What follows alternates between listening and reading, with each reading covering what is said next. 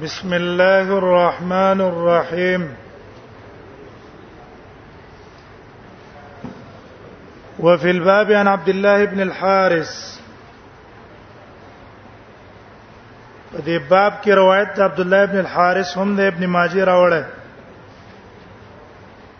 رسول الله صلی الله علیه وسلم د قبله ته مخ کولو او شاکول نه منع کړي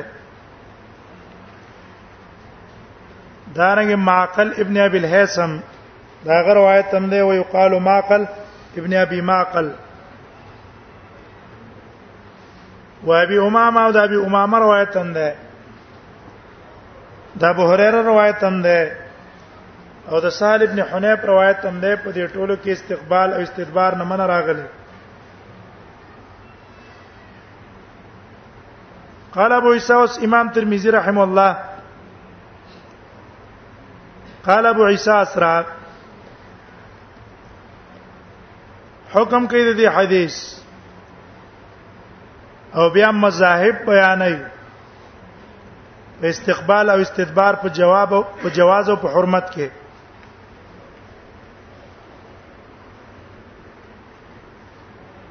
قال ابو عيسى واي حديث ابي ايوب احسن شيء في هذا الباب حدیث د ابي ايوب احسن شيء في هذا الباب ډیر خسته حدیث ته په دې باب کې په ټولو احادیثو کې واصح او د ټولو روایتونو په نسبت ډیر اصح ده دا روایت صحیحین هم راوړی صحیحین زکا صح شو واسع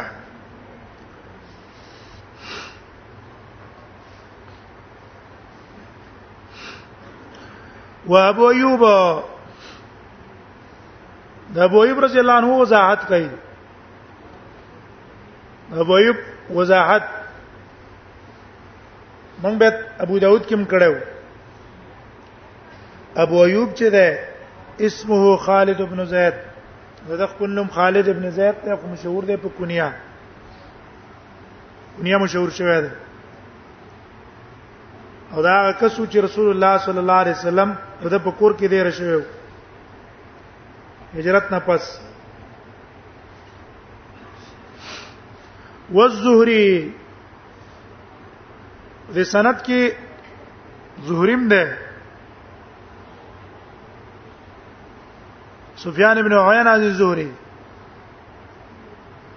وې د دنم چې د محمد ابن مسلم ابن عبید الله ابن شهاب الزهری دا زهری اتفاق د علماو غټ محدث ده دا درسونه په ابتدا کې مونږ ویلو چې مدون ده مدون ده د احادیثو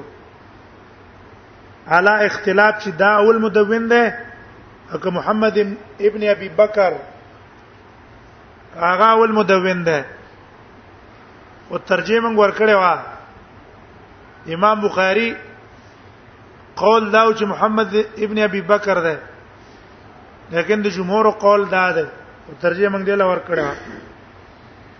دوه وجونه والزوري وزوري چې د نوم د محمد ابن مسلم ابن عبيد الله ابن شهاب الزوري ده اتفقوا على امامته وجلالته دا په امامت او دا په جلالت باندې ټول اتفاق ده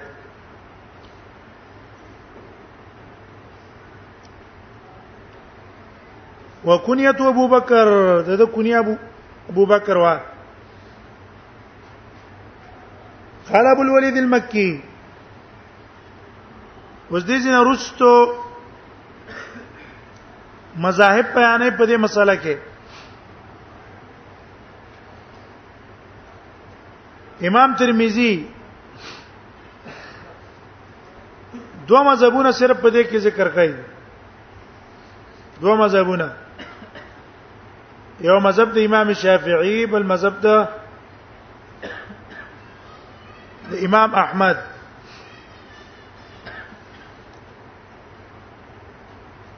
او اصل په مسله کې اته مذاهب دي على التفصيل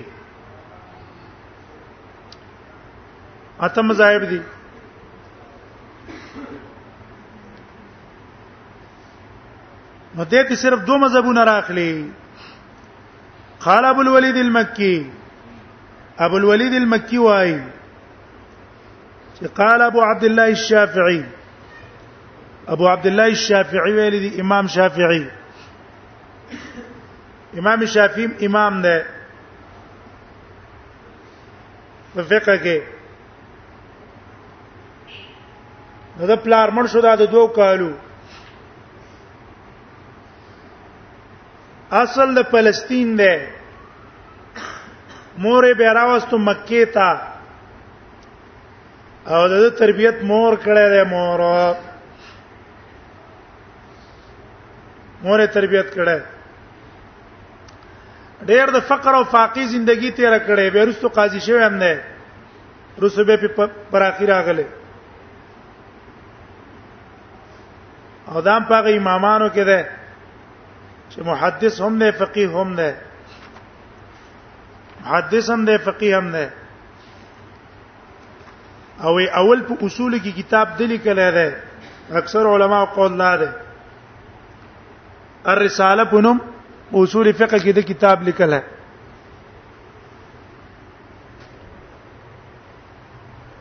د امام مالک شاګرد دی عام مشهور ده دا چې د خو یتیمو مور دا خوخه وا چې دا د امام مالک په تلمذ کې شامل شي ځکه امام مالک چرچا و په هغه زمانہ کې امام دار الهجره ندی اوله د مکی گورنر ته څه واسطه پیدا کړه چې ته د مدینه گورنر ته شپارس وکړه هغه گورنر امام مالک ته وایي چې دا امام شافعي ځان څخه په درس کې شامل کړي نو چې دې گورنر خط ولیکل دی بل گورنر ته او ورغه نو د مدینه گورنر امام مالک ته ودرې دو او خط ول ورکو او ته چې دا شافعي ځان سره شامل کا هغه امامان ډیر اوچت امامانو او گورنران هم دیندارو د علما قدر احترام به کاو امام مالک انکار وکړ او ویل چې واسطو والا کسان دا دین نشي حاصله ولا دا زه په مجلس کې نه نه پرېدم امام شافعي رحم الله ډېر خپه شو شاو تل شوکا خپل امام مالک ته یو د نسب بیان کا ځکه دا هاشمی دی نبی صلی الله علیه وسلم په نسب کې وځي کیږي او بل ته خپل غربت بیان کا چې زما پلار پر کوټیوالي کې مړ شوی دی نو کېرې شي امام مالک د ځان څخه درس کې بری دی امام مالک ته امام شافعي ودرې دو او تیر ز پلان کې ما د نبی صلی الله علیه وسلم د نسب کې ما هغه په آل کې راځم او غریبی ما یتیم یم ما یتیم امام مالک ته الله زوس درس کې بکې نه شاته حق دې ته پوس نشتا یو ته پوس بم نه کې بس صرف سما سماع بکې اوریدل بکې بل اورز امام شافعي ناستو امام مالک یو فتوا ورکړه یو فتوی مسلې ته پوسټ شو فتوا ورکړه فتوا د حدیث نه خلاف و امام شافعي ته غزي کی ویل اجازه د یو خبر وکم وی وای څه وی وی ګوره تا دا کومه فتوا چې ورکړه بل ورستا مونږ ته حدیث بیان کړی دا فتوا د حدیث نه خلاف ده دا حدیث نه دا فتوا خلاف ده امام مالک ویل بالکل صحیح ده رازت اوس مخه تکینا او پس د دې نه ستاده لپاره حق ته د تپوس تپوس هم کوا هر شي حق ته ستاده لپاره تاکي الله استعداد او قابلیت یې خیر نو یو الله تی امام جوړ کړو غرض دا ده چې علم یو طلبم کې ځان به جدا کینو الله د چا مهنت به ضایع کینا والذین جاهدوا فینا لنهدینهم سبلنا یو تن به دین کوشش کوي الله به لارې ته دین پیرا کولاوي دینا لارې برا کولاوي لک ځان باندې سخت تیر کړه چې لک سخت دې تیر کړه الله به تخپل لارې را کولاوي کی او جنا تنبلې باندې عادت شوي پس آرام وکاو خوب وکاو خوراک وکاو غب شپ لګوا او نن هغه سکینه نل تلاټ شنه نل ته چکر لاټ شه دې چکرو مکرو عادت شوی سید عمر به دې تیریږي خو تا باندې بلار نه را کولاویږي لار پر باندې څنګه کیږي نه را کولاویږي یو یو کتاب کوم مدرس هم شي مولا هم شي او یو کتاب ته بناست هغه یو کتاب په 15 غنټه شپږ غنټه مطالعه کوي او چې الله در باندې لار را کولاو کړ چې نظر به تور واچي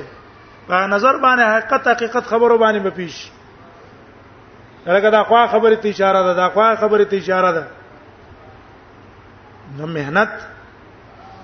باندې پرې ده امام شافعي شاعر هم ده کاتب هم ده محدث هم ده فقيه هم ده مفتی هم ده قاضي هم ده ټول کمالات پد کې راجمو اې سره کوم شي کوشش کوي هغه ټول الله تور نصیب کوي ولا ور کوي همت بکاری همت په سره نه ورځي جمله معترضه و صرف ترغیب د پاره چې دا امام زمنګ تاسو پرنګ کسانو زمنګ تاسو په شان خو څه معنویات په دې کې موجود الله ته قبول کړو دا قبولیاتو د وجنه څه د الله قبولیت او څه د دې مهنتو الله پاک مخکې بوتله انما معنا وی مطلب د قول د نبی صلی الله علیه وسلم انما معنا وی مطلب د قول د نبی صلی الله علیه وسلم چې لا تستقبل القبلة في غائط ولا بول چې قبله ته مخ کې کوي مخ کوي په ډکو د سمارټ ټیم کې او مو ته شا کوي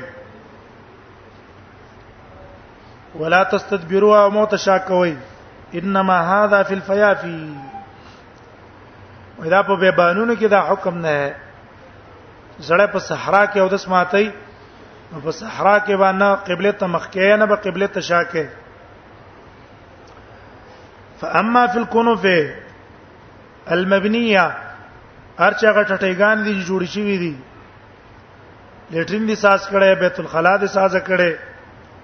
ستامخه ته دیوال لې نو له رخصتن دې سړي لپاره اجازه شته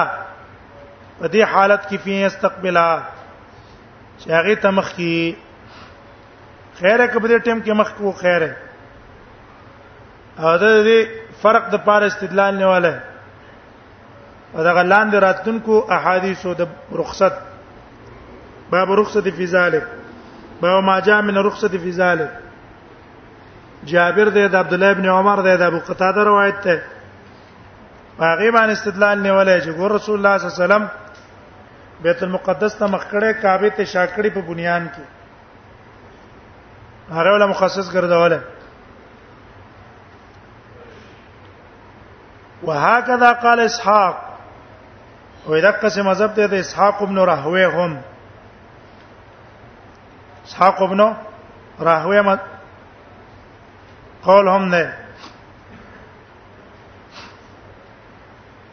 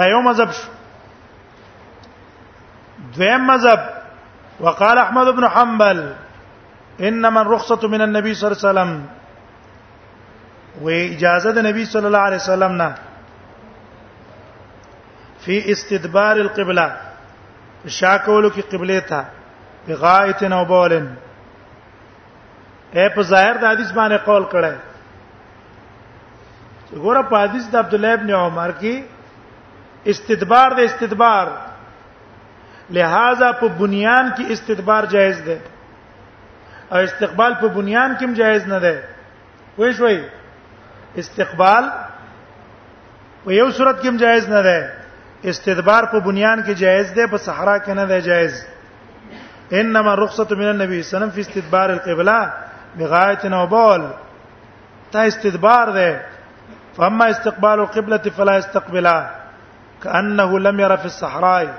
گویا کې استقبال د جایز نه دی ګڼل په صحرا کې ولا فی الکنیف او نه په کنیف کې ان د څه کې د کې ان نستقبل القبلة چې موږ درا اولوي قبله ته د مخ کو مستقبل القبلة قبله ته د مخ کړی شي معنی قبله ته مخ کول په هر حالت کې د ممنوع کړه او صرف استدبار جایز کړه امام ترمذی دلته صرف دوه مذهب بیان کړه لیکن په دې کې اته مذاهب دي اته مذاهب